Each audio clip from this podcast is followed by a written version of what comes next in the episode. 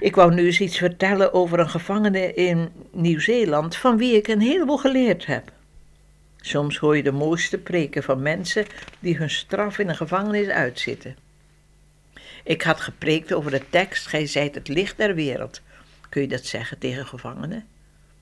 Zou het niet beter zijn te zeggen: Je bent de duisternis van de wereld? Ik zal u eens wat zeggen. In vele landen heb ik voor gevangenen gesproken. Ik heb in de oorlogstijd aan de lijve ondervonden wat het betekent achter een deur te zitten die je alleen maar van buiten kunt openen. Misschien daarom voel ik zoveel voor ze. En nu heb ik in vele gevangenissen evangelisten leren kennen. Ik denk aan een kerel in Mexico. Dat is een zware jongen. Hij had een vonnis van 18 jaar. Nou, dat krijg je niet als je alleen maar een auto steelt. Nu was er in zijn leven iets geweldigs gebeurd.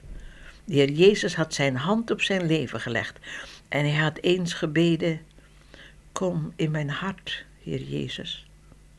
En toen was Jezus gekomen. Dat staat in Openbaring 3, vers 20. Zie ik staan de deuren en klop, indien iemand naar mijn stem hoort en de deur opent, ik zal bij hem binnenkomen. En dat was gebeurd. En die man werd toen de evangelist van zijn gevangenis. Toen ik daar kwam, had hij al de helft van zijn medegevangenen tot de Heer gebracht. Ik hoop dat u in de hemel komt en ik u daar zal ontmoeten. En dan geloof ik zeker dat ik u zal kunnen voorstellen aan heel wat vurige evangelisten die ik in gevangenis ontmoet heb. Kerels die nu nog hun tijd uitzitten. Maar dat niet alleen. We zullen er vele vinden die door hun de weg naar de hemel gevonden hebben. Een van de mannen daar in Nieuw-Zeeland die mijn preek hadden gehoord, zei na afloop: Vanmorgen bladerde ik zo een beetje in de Bijbel.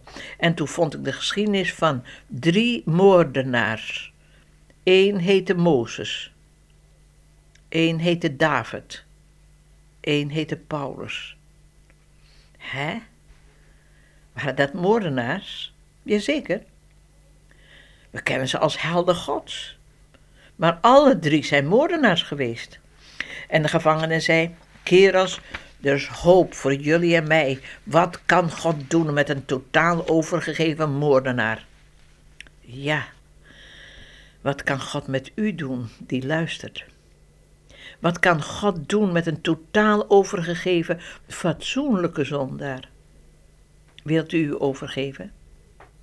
Dan zullen er wonderen gebeuren want u bent het licht der wereld. Dank u, Heer, dat dat mogelijk is. Dank u dat u zondaars, geredde zondaars, schoongewassen zondaars, gereinigd door uw bloed, dat u die kunt gebruiken als uw licht in deze donkere wereld. Halleluja, amen.